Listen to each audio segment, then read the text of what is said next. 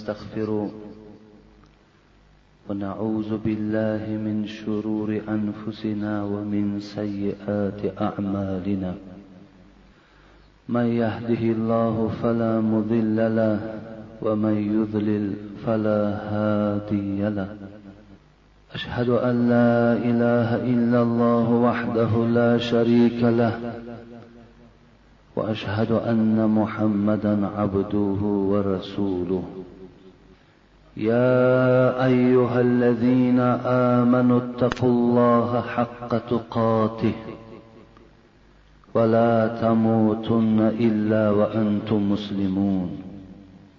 يا أيها الناس اتقوا ربكم الذي خلقكم من نفس واحدة وخلق منها زوجها وبث منهما رجالا كثيرا ونساء واتقوا الله الذي تساءلون به والأرحام إن الله كان عليكم رقيبا.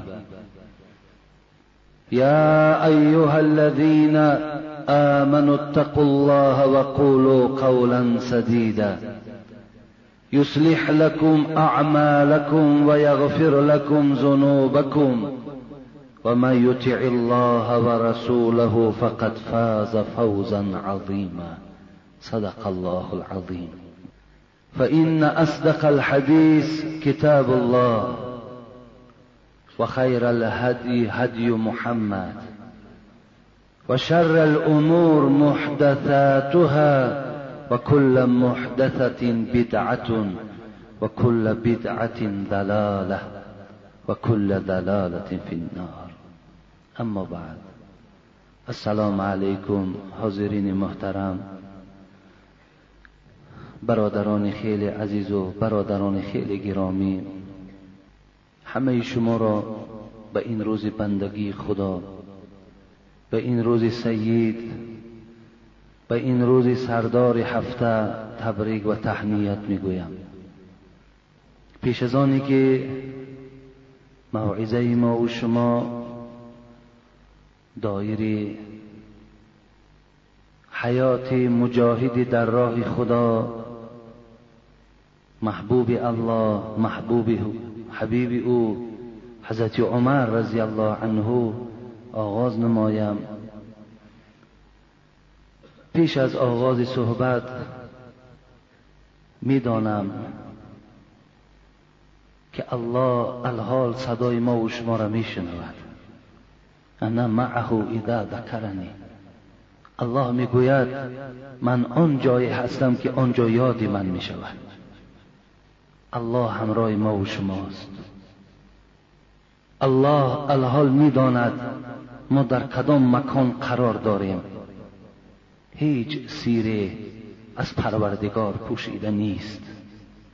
الله می‌داند ای بندگان خدا شما به کدام مقصد به مسجد آمدید؟ چی مقصد چی مرام در دلهایتان دارید الله اینو می‌داند. از پروردگار همچی یک بنده در لغجیش همچی یک بنده گناهگار دعا می‌کنم که خداوند دعای ما بندگانش را قبول گرداند. زیرا بجز ذات پروردگار ما هیچ پشتیبان و هیچ غمخوار نداریم یگانه دادگاه بندگانش این الله است. یگانه مهربان الله است. یگانه غمخوار شما الله است. خداوندا در دل ما بندگانت همیشه محبت خودت را جایگیر گردانی. خدایا از پدر و مادرمان دیده خدایا از محبوب ترین آن چیزی که در دنیا داریم خدایا محبت خودت را مقدم در دل ما بگذار. خدایا محبت حبیبت را در دل ما جایگیر بگردان. خدایا محبت دوستانت را از آن جمله این چهاریار پیغمبر را در دل هر مای ما بندگانت باز هم خدای مهربان زیادتر جایگیر بگردان. خدایا فردا وقتی جان ما به حق تسلیم می‌کنیم. این کلمه زیبای لا اله الا الله را به زبان ما رانده بگردان. خدایا با نور ایمان سفر کردن هر کدام ما بندگانت را نصیب و روزی بگردان. خدایا در قبر که حبیب تو گفت القبر صندوق العمل القبر روزة من ریاض الجنه او حفرة من حفور النار. قبر باغ از باغهای جنت است یا چاه از چاه دوزخ است. خدایا قبرهای ما بندگانت را به باغ از باغهای جنتت مبدل بگردان. همه فتنه ها را خدایا از قبر ما بالا گردان. خدایا روز قیامت ما را از صف مؤمنان از صف شهیدان از صف نجات یافتگان سر برداشتند خدایا موفق بگردان. گذشتگان ما را رحمت و مغفرت گردان. بیماری های ما را شفای کامل نصیب گردان.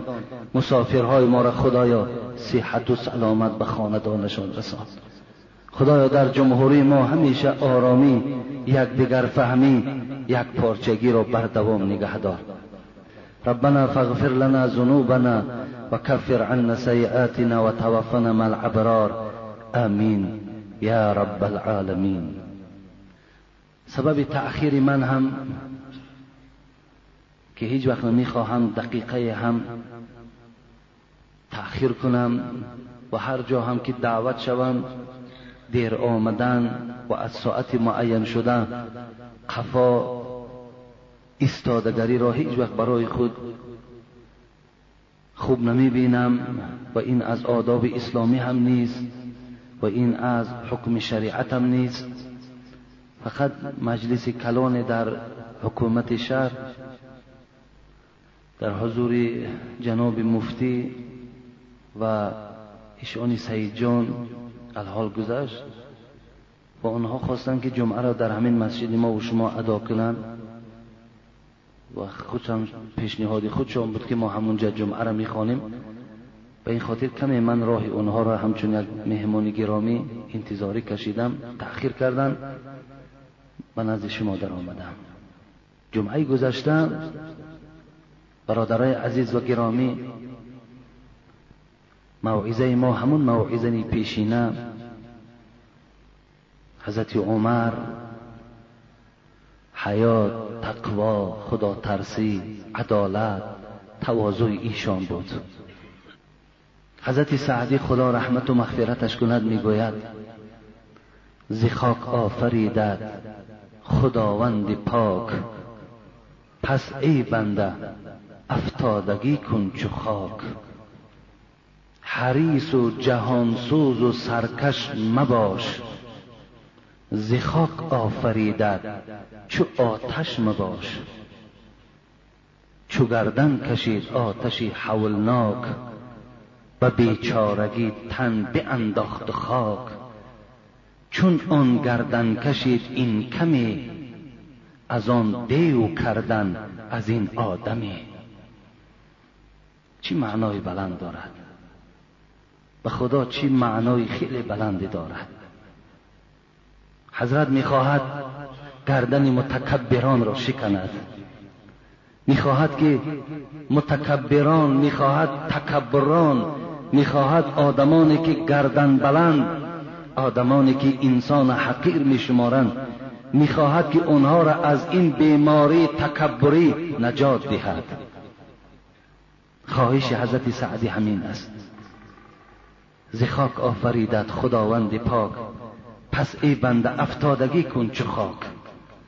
چگونه ای که خاک افتاده هست چگونه ای که خاک زیر پا هست و در زبان مردم ما و شما چنان گفتگویی هست که انسان باید خاکسار شود. مقصد یک سخنی خاک کلمه خاک در اینجا استفاده می‌شد که خاکسار شدن در کار. مقصد از خاکساری این است که تکبر شدن در کار نیست بلند هوایی کردن در کار نیست. حضرت سعدی هم همین در نظر گرفتن. خداوند تو را از خاک آفریده است. پس افتادگی کن همچون خاک. مثل خاک افتاده باش. مثل خاک عادی باش.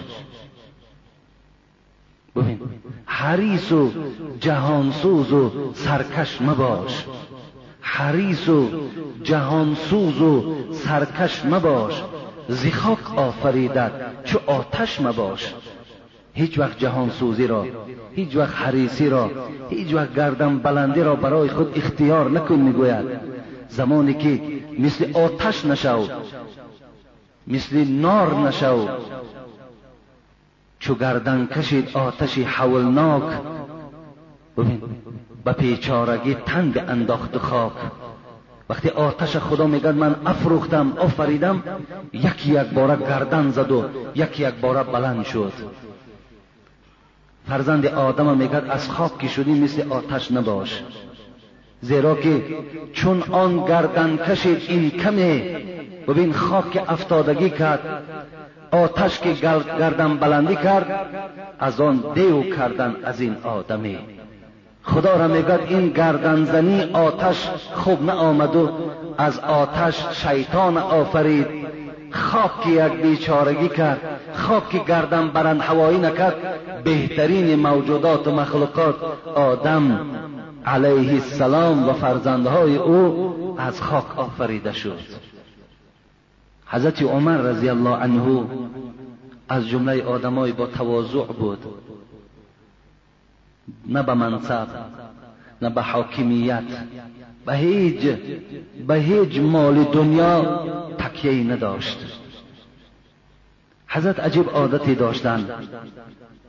باری در کوچه های مدینه می گشتند و ناگاه دیدن یک مرد همراه یک زنی در کوچه بسیار نزدیک استاده و صحبت دارند. حضرت عمر را این عمل این جوان پیسر و این جوان دختر بسیار ناراحت کرد. در دستش یک شلاق داشت یک دره داشت. آمد و به پشت این مرد یک ضربه زد.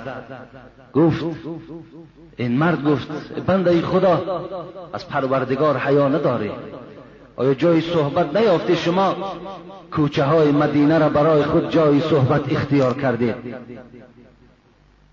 چگونه که امروز جوانای مسلمان ما هم این که قبلا در روزها بود.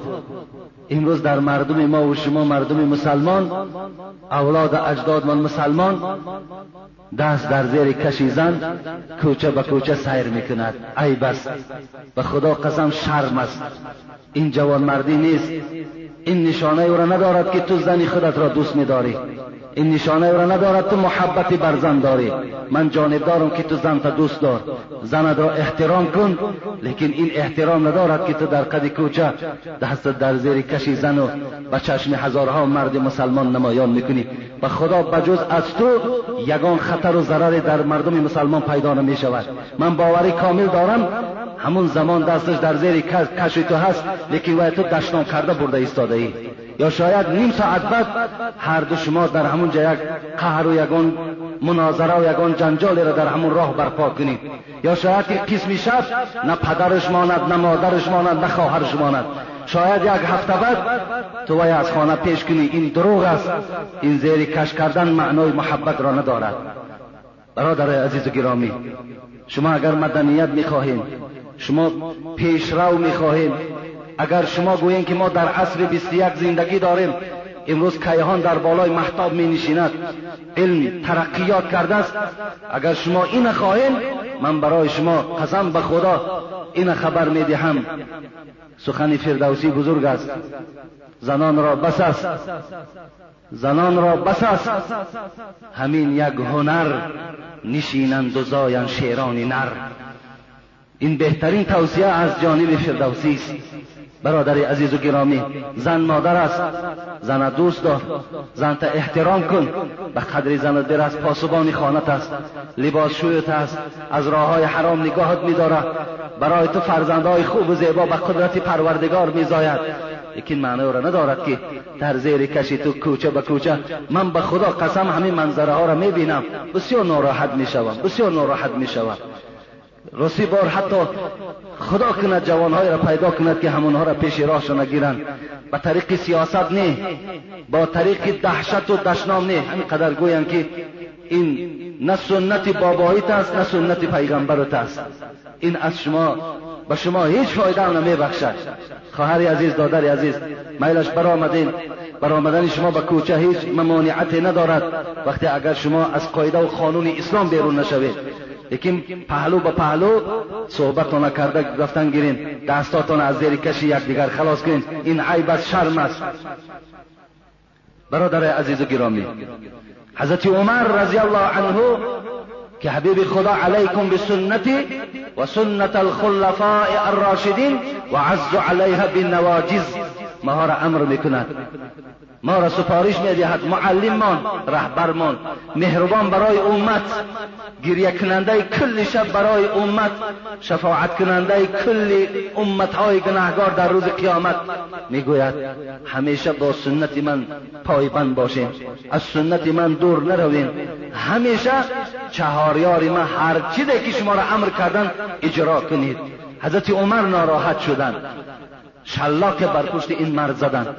گفتن آیا این کوچه جای جمع شدن شماست؟ آیا شما وقتی صحبت می‌کنیم با یکدیگر می‌دانید جامعه از صحبت شما خراب می‌شود؟ پراکنده شوید گفت.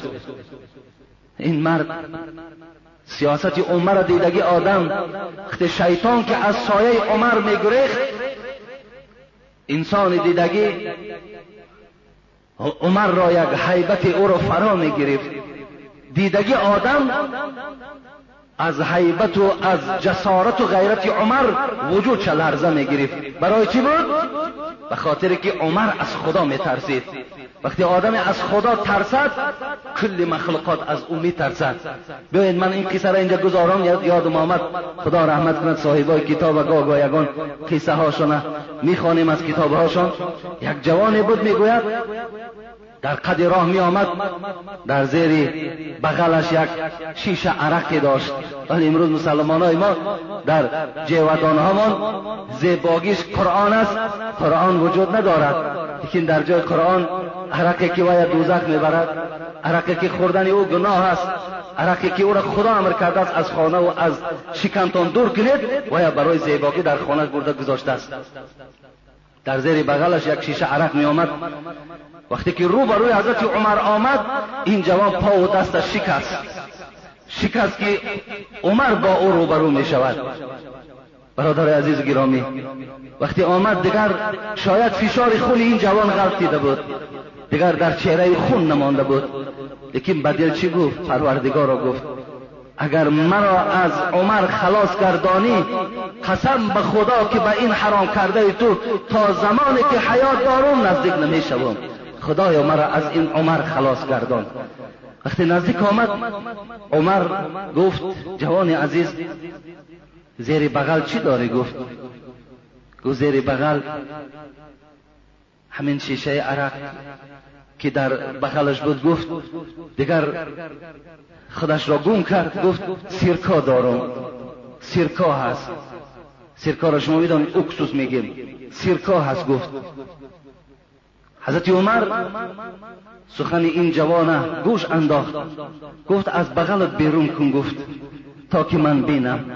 این جوان که از صدق توبه کرده بود و سوی پروردگار مراجعت کرد از تحت دل که بود پروردگار او را الله که به سرکا مبدل گردانیده بود. وقتی برآورد حضرت عمر دید نمودی ویا مزه او را که دید سرکا بود. پس در دست او تسلیمش کرد. صاحب کتاب به این مسئله و حکایت چی گفتنی بود؟ این بود که اگر انسان از صدق دل به سوی خدا توبه کند الله گناهاش می بخشد الله گناههای او را می بخشد دویم اینکه یک انسان از حیبت عمر ترسید. خداوند به خاطر او سرکا را عرق به سرکا مبدل کرد. پس شخص از خدا ترسد دیگر چی جای وصف اوست؟ حضرت عمر شلاک بر پشت این زد. گفت کوچه جای جمع شدن شما نیست گفت. پراکنده شوید گفت. این مرد گفت عمر گفت امیر المؤمنین شما خطا کردید گفت. حضرت تواضع او آنقدر بلند بود که سخنی همه را گوش می‌کرد. سخنی همه را گوش می‌کرد. عادی بودن. وقتی گفت خطا کردی حضرت عمر وجود چه لرزه گرفت. در حال قیامت و قبر به یاد حضرت عمر آمد. چیکار کرده باشم؟ جوان گفت ما مهمان هستیم. از راه دور آمدیم. این زنی که می‌بینی این زن زن نکاهی من است. این زن حلالی من است. این زنی بیگانه نیست. لیکن ما در این شهر شما مسافریم. نمی‌دانیم که مسافرخانه شما در کجاست. نمی‌دانیم مهمانخانه شما در کجاست. نمی‌دانیم که جایی که ما استراحت کنیم در کجاست. از این خاطر ما با یکدیگر صحبت داریم که چیکار کنیم؟ وقتی این سخن حضرت عمر شنیدن شلاقی که در دست داشتن امیر مؤمن ها شما تصور کنید سردار مؤمن ها شخصی که شخصی که سخنش در ایمپری فارس در ایمپری روم در تمام دنیا نفوذ می‌کرد. شلاق در دست همون مرد داد. گفت اگر تو همین شلاقی که در دست داری در پشت امیر مؤمن ها نزنی و قصاص خودت را نگیری از پیش من تو سلامت نمی روی ببینین ترس ببینین تواضع حضرت عمر ببینین. جوان شلاق گرفتند و گفتند امیر مؤمن ها گفتند من شما را بخشیدم.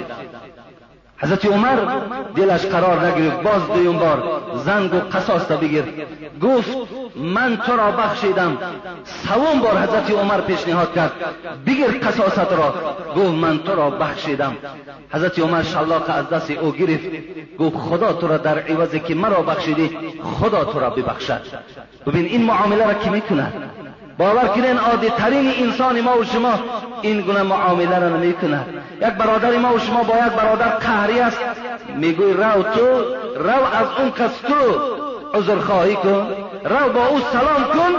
باور کن وسواس شیطان آنقدر فراش گرفت است که پیشی وی قدم نمی‌زند. میگد من رو چرا من می‌روم؟ او کی از خودش؟ این جمله هایی هست که ماها را وسواس شیطان است نمی‌گذارد که پیش یک برادر مسلمان رفته و گردن خم کنیم و عذر از وی خواهیم. لیکن عمل حضرت عمر را ببینیم. ماها فخر داریم. ماها بسیار کبر بلند داریم. حضرت عمر رضی الله عنه تواضعهای ایشان بسیار خیلی زیاد است. من برای شما را شما را باوری می‌کنم به خدا قسم. همین ده و نیم سالی که حضرت کرسی خلافت زینت دادن رئیس بودن سردار حکومت بودن. اگر ده ها جمعه فقط درباره تواضع حضرت عمر من برای شما صحبت کنم صحبت ها باقی هست صحبت ها یافت می شود بیا می‌گذاریم به عدالت حضرت عمر. در زبان خرد و کلان ما و شما عمر عادل وجود دارد. همه ما و شما عمر عادل می‌گوییم. و چی عدالت داشت؟ و از کجا این عدالت برای خود سرچشمه اخذ کرد؟ از کجا؟ حبیب خدا محمد صلی الله علیه و سلم می‌گوید سبعت یظلهم الله فی ظله یوم لا ظل الا ظله امام عادل. وشاب نشأ في عبادة الله ورجل قلبه معلق بالمساجد ورجل دعته امرأة ذات حسن وجمال فقال إني أخاف الله.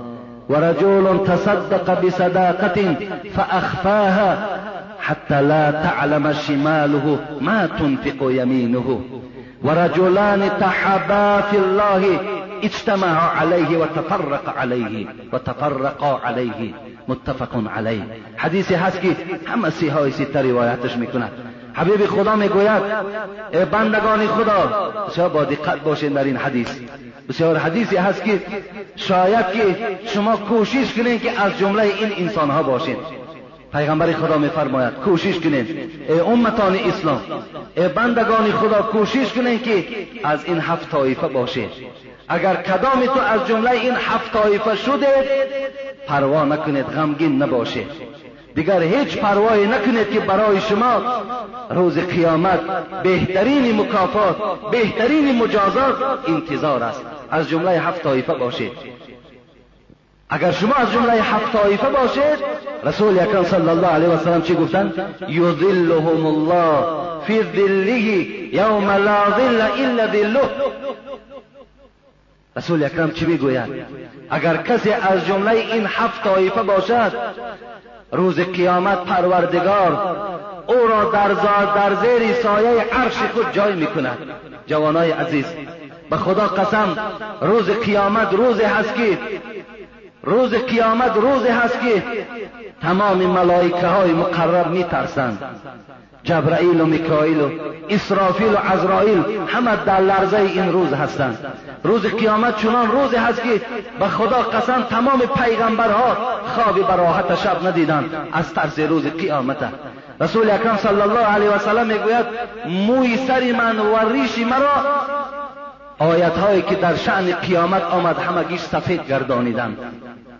همگی می ترسیدن و حق ترسیدنی هم دارد. حق ترسیدن هم دارد رسول اکرم صلی الله علیه و سلم یعرق الناس یوم القیامت حتی یذهب عرقهم فی العرض سبعین زراعا. حتی ببین سبعین زراعا یلجموهم رسول اکرم صلی الله علیه و سلم چی میگوید؟ روز قیامت آنقدر دهشت دارد آنقدر مشکلات دارد که حتی عرق بدنی تو به زیر قدم تو تا هفتاد گز پایان می شود هفتاد گز عرق بدن تو زمین تر می سازد حتی رسول اکرم گفتن عرق شما زمین تر می سازد بعد ترساستن عرق شما بالا می شود حتی مثل که اسفل جا می‌زنند تا راست لبهای شما عرق بدن شما می آیند همه این از چی خاطر است؟ فقط از وهم قیامت است از دهشت قیامت است. یوم یقوم الروح والملائکه صفا لا یتکلمون الا من اذن له الرحمن وقال ثوابا خدا می‌گوید روز قیامت آنچنان روزی هست که ملائکه ها صف می‌کشند. بنده ها صف می‌کشند. لا یتکلمون الا من اذن له الرحمن. هیچ کس سخن گفتن نمی‌تواند. هیچ کس دهان کشاده نمی‌تواند تا زمانی که اگر پروردگار برای اونها حقی سخن گفتن نداده باشد هیچ کس سخن گفتن نمی‌تواند. انا در همین روز مدهیش انا در همین روز خیلی مشکلات الله سایه عرشش بالای هفت طایفه بالای هفت گروه سایه می افکنند. جوانای عزیز و برادرای خیلی مهربان کوشش کنید از جمله این هفت طایفه باشید. کار کنید که از دنیا جان به حق تسلیم کنید لیکن از زمره یکی از این گروه ها شما باشید. یکم چی گفتن امام عادل. یکم امام عادل. یکم پیشوای عادل. یکم شاه عادل. اگر با خلق خود با مردم خود اگر عدل داشته باشد رعیت حقش پایمال نکند غمخوار به مردم باشد اینا میگن امام عادل اینا میگن شاه عادل. این چی می‌شود؟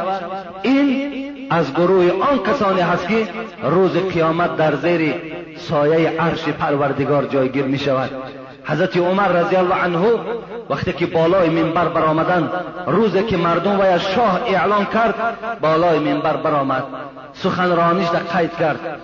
از این روز اعتبارا من خلیفه مسلمان ها هستم من امیر المؤمنین هستم من شاه همه شما هستم. لیکن قسم به خدا گفت حق ضعیف از قوی می‌گیرم. حق آدم مظلوم از ظالم البته اخذ می‌کنم می‌گیرم. بنده های خدا گفت در حق هیچ کس ظلم نکنید. قسم به خدا غمی هیچ کدام می‌تونه نمی‌خورم. فقط آن چیزی که خدا و حبیب او گفته است از خط کشیده اون من بیرون نمی‌شوم. لیکن حضرت سخنرانیش عملی گردانیدن. بیاید تماشا می‌کنیم. به عدالت های حضرت عمر چی عدالت ها کردن حضرت؟ مردم مکه نزد حضرت عمر رضی الله عنه آمدن شکایت کردند. ای امیر مؤمن ها ای امیر مؤمن ها ابو سفیان ابن حرب یک جویبار ساخته است که اگر باران با شدت بارد آبی که وی. ابو سفیان شاید که شما نشناسید خدا رحمتش کند آخر در مسلمان شدن. لیکن در اول دشمنی سرسخت رسول اکرم بودند ابو سفیان ابن حرب. ابو سفیان ها بسیار هستند این از همون ابن حربش بود.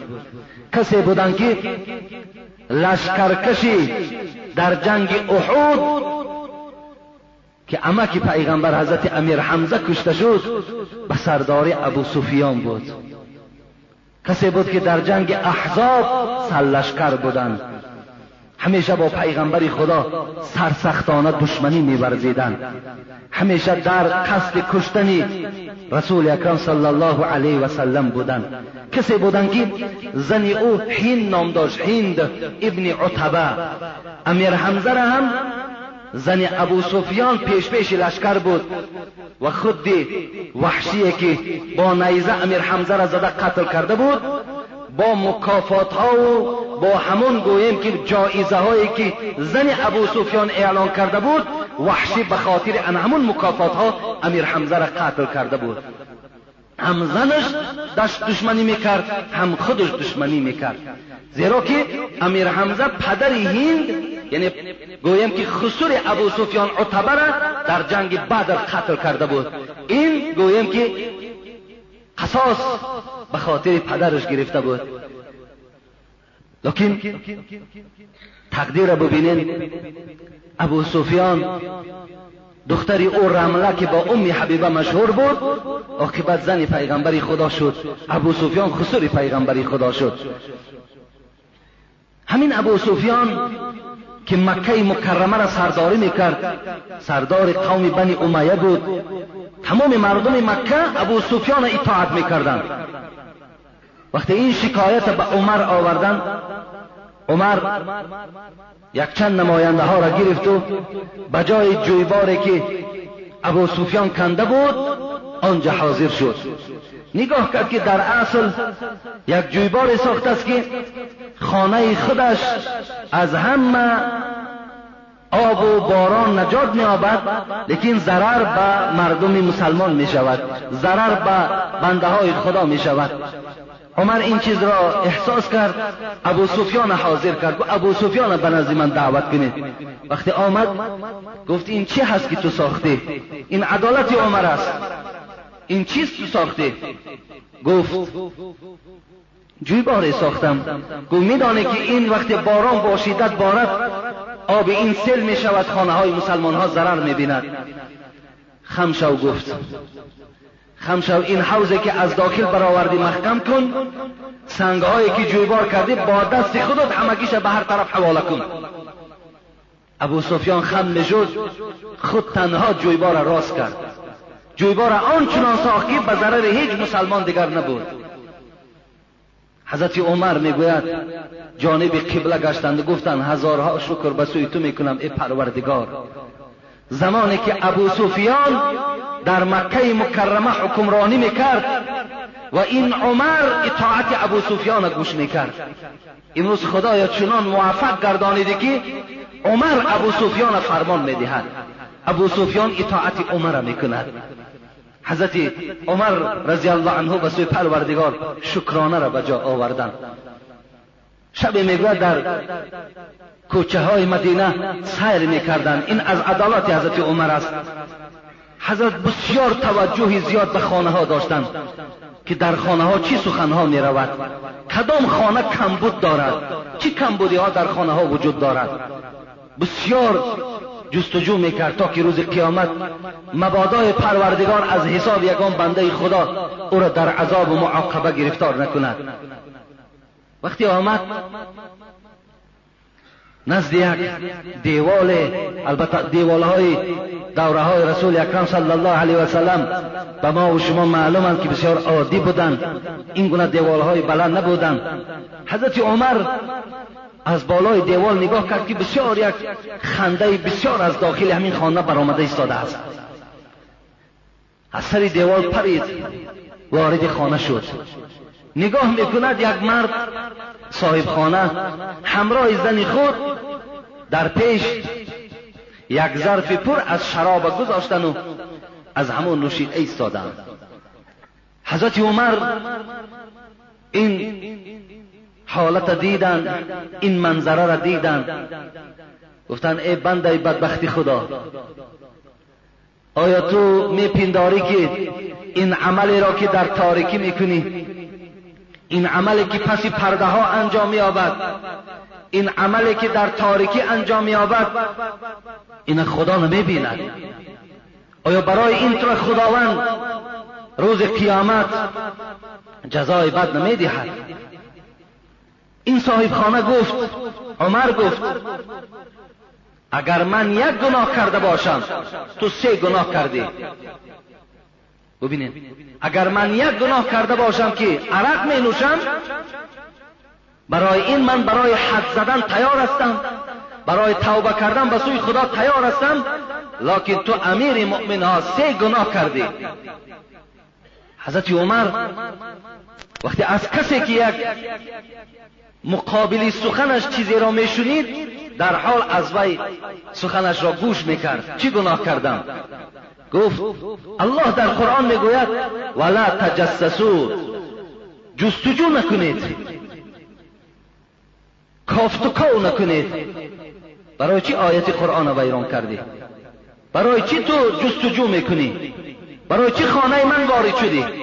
برای چی؟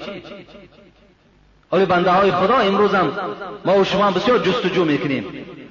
بسیاری بسیار مسئله ها را بسیاری از حیات ها بسیاری از بنده های خدا را هم تاریخ حیاتشون جستجو می‌کنیم و رقم می‌زنیم. ولی امروز بعضی از ما و شما با تاریخ عزیزای خدا را چکه شده ایستاده ایم. که حتی که عزیزای خدا را دوستایی که در راه خدا خدمت کردن تاریخ همونها را نادرست برآوردیم تمام کردیم همه کارا را بود کردیم. همه عبادت ها تمام شد. الله گفت در قرآن میگه سوره حجرات ولا تجسسو جستجو نکنید گفتگو نکنید. حضرت عمر تو آیت قرآن را ویران کردی برای چی جستجو می‌کنی؟ برای چی خانه من وارد شدی؟ حضرت عمر گوش کردن دویم گفت پروردگار می‌گوید وقتی خانه یک برادر مسلمان می با طریق دروازه درآیین با طریق دیوار ندرآیین برای از بالای دیوار من در آمدی حضرت عمر گوش کردن دویم گناه. سیوم گفتن الله در قرآن میفرماید یا ایها الذین آمنو ای کسانی که دعوای ایمان دارید لا تدخلوا بیوتا غیر بیوتکم حتی تستأنسوا حتی تستأنسوا. بین پروردگار ای کسانی که دعوای ایمان دارید هر وقتایی که شما می‌خواهید که به خانه که خانه های شما نیستند وقتی می‌خواهید وارد خانه شوید تا اگر اجازت نگیرید وارد خانه یک برادر مسلمان نشوید. به اجازت وارد خانه یک برادر مسلمان نشوید. اجازت چی؟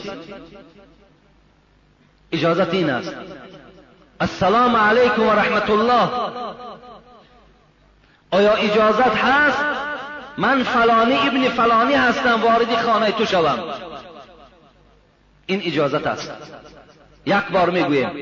رسول اکرم صلی الله علیه و سلم می‌گوید الاستئذان ثلاث فإن أذن لك وإلى فرجع این حدیث متفق علیه است. سه بار اجازت خواستن است. اجازت داد وارد خانه شو. اجازت نداد پس گرد. یا اگر در خانه کسی نباشد که صدا نداد پس گرد وارد خانه نشو سه بار است. خدا رحمت کند قیس ابن سعد ابن عباده را می‌گوید بار پیغمبر خدا وارد خانه من شدند و حبیب خدا عجیب عادت داشتند.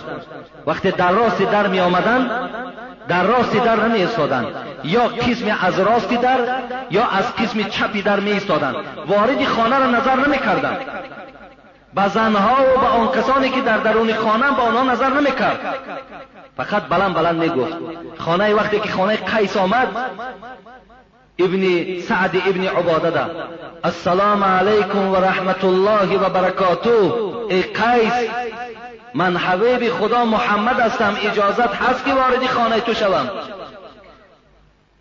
معلم ببینید حضرت قیس می‌گوید من که حبیب خدا را دوست می داشتم صداش شنیدم. آهسته گفتم با علیکم السلام و رحمت الله و برکاته. حبیب خدا جواب سلام مرا نمیشنید. دویم بار گفتم السلام علیکم و رحمت الله و برکاته. اجازت هست؟ حبیب خدا محمد وارد خانه تو شد. ای قیس باز جواب گفتم. لیکن آهسته گفتم.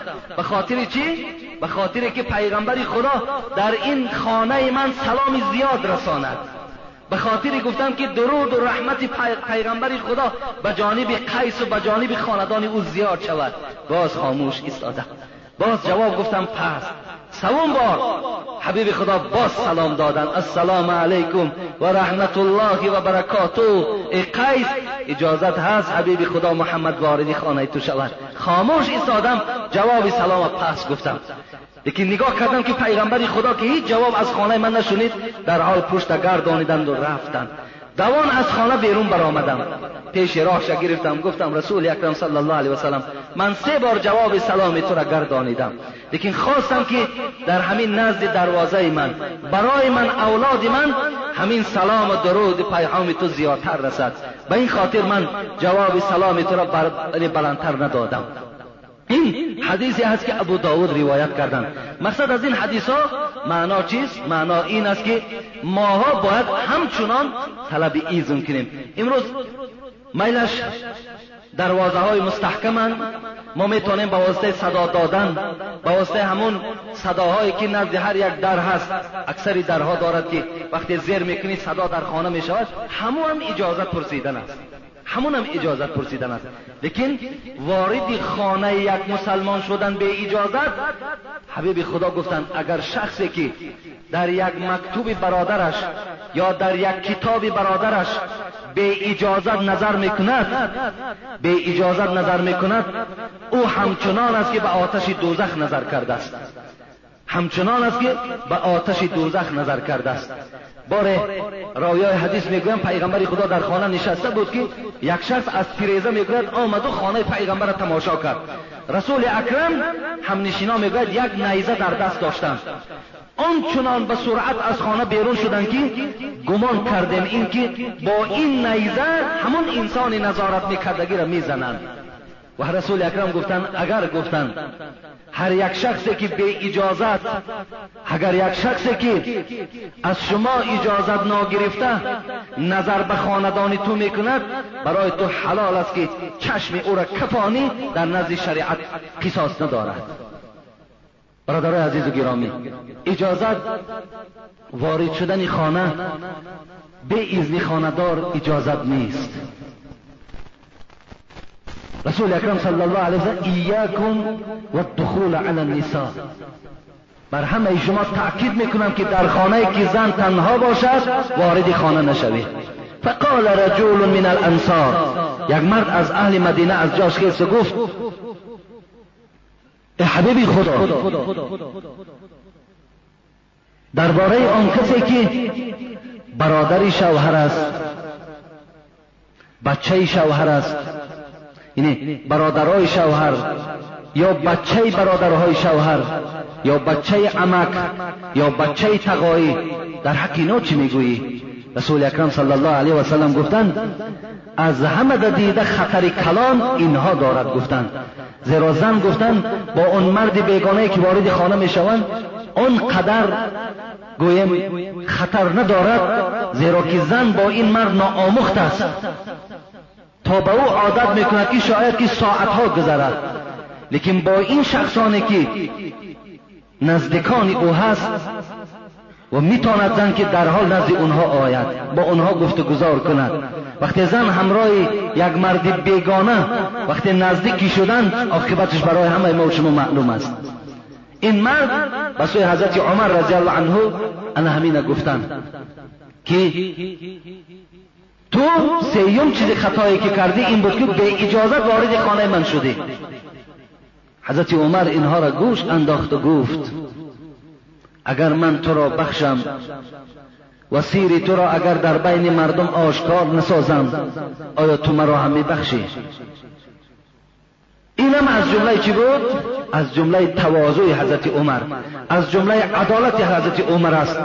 این مرد می‌گوید بیان کردم بله گفتن امیر مؤمن ها اگر تو مرا در بین بنده های خدا شرمنده نسازی منم از این خطاها و گناهایی که تو کردی من هم در میگذرم. بار در کلبه خود نشسته بود حال مردم محاکمه می‌کرد. دفترها در پیشش بود می نویشت چیزی قید می‌کرد. بناگاه در تخت تخت شد می‌گوید حضرت علی رضی الله عنه وارد این خانه شدند. وقتی که وارد خانه شدند حضرت عمر گفتند می‌خواهی که عمر علی گفتند برای کار خودت آمدی یا برای کار عامه مردم آمدی؟ برای کی آمدی؟ گفت برای چی این سوال رو از من می‌کنی؟ گفت به خاطر اینکه اگر به خاطر کار مردم آمده باشی این شمعی که در پیش دارم این مال بیت المال است. این مال مردم مسلمان است. این خاموش می‌کنم در تاریک یعنی برای خاطر کار مردم باشد اینا گرفته و پیش تو میارم و صحبت می‌کنیم. لیکن اگر برای کار شخصی خودت آمده باشه پس این شمع این مال مردم است. این از حق بیت المال است. من حقوق ندارم که این مال بیت المال در صحبت شخصیت ها استفاده برم. به این خاطر این خاموش می‌کردم و نزد شما می آمدم اینم از عدالت های حضرت عمر است. در صحیح بخاری خواندم یک حدیث را که رسول اکرم صلی الله علیه و سلم گفتند اگر گفتند در امت های پیشین شخصانی بودند که به اونها الهام می آمد اگر این گونه مرد در امت من باشد هر آینه عمر است. رضی الله عنه. این در صحیح بخاری قید می شود. الهام به عمر می آید. سخن حضرت عمرم سخن خداوندی پیش از آنی که رسول اکرم نزول او را می‌خواند پیش از آنی که آیت های قرآن می‌خواند الله که حضرت عمر دوام او را نزد حبیب خدا محمد صلی الله علیه و سلم میخواندند یعنی الهام او را من از کرامات می‌دانم. انشاءالله یک چند کرامات دارد.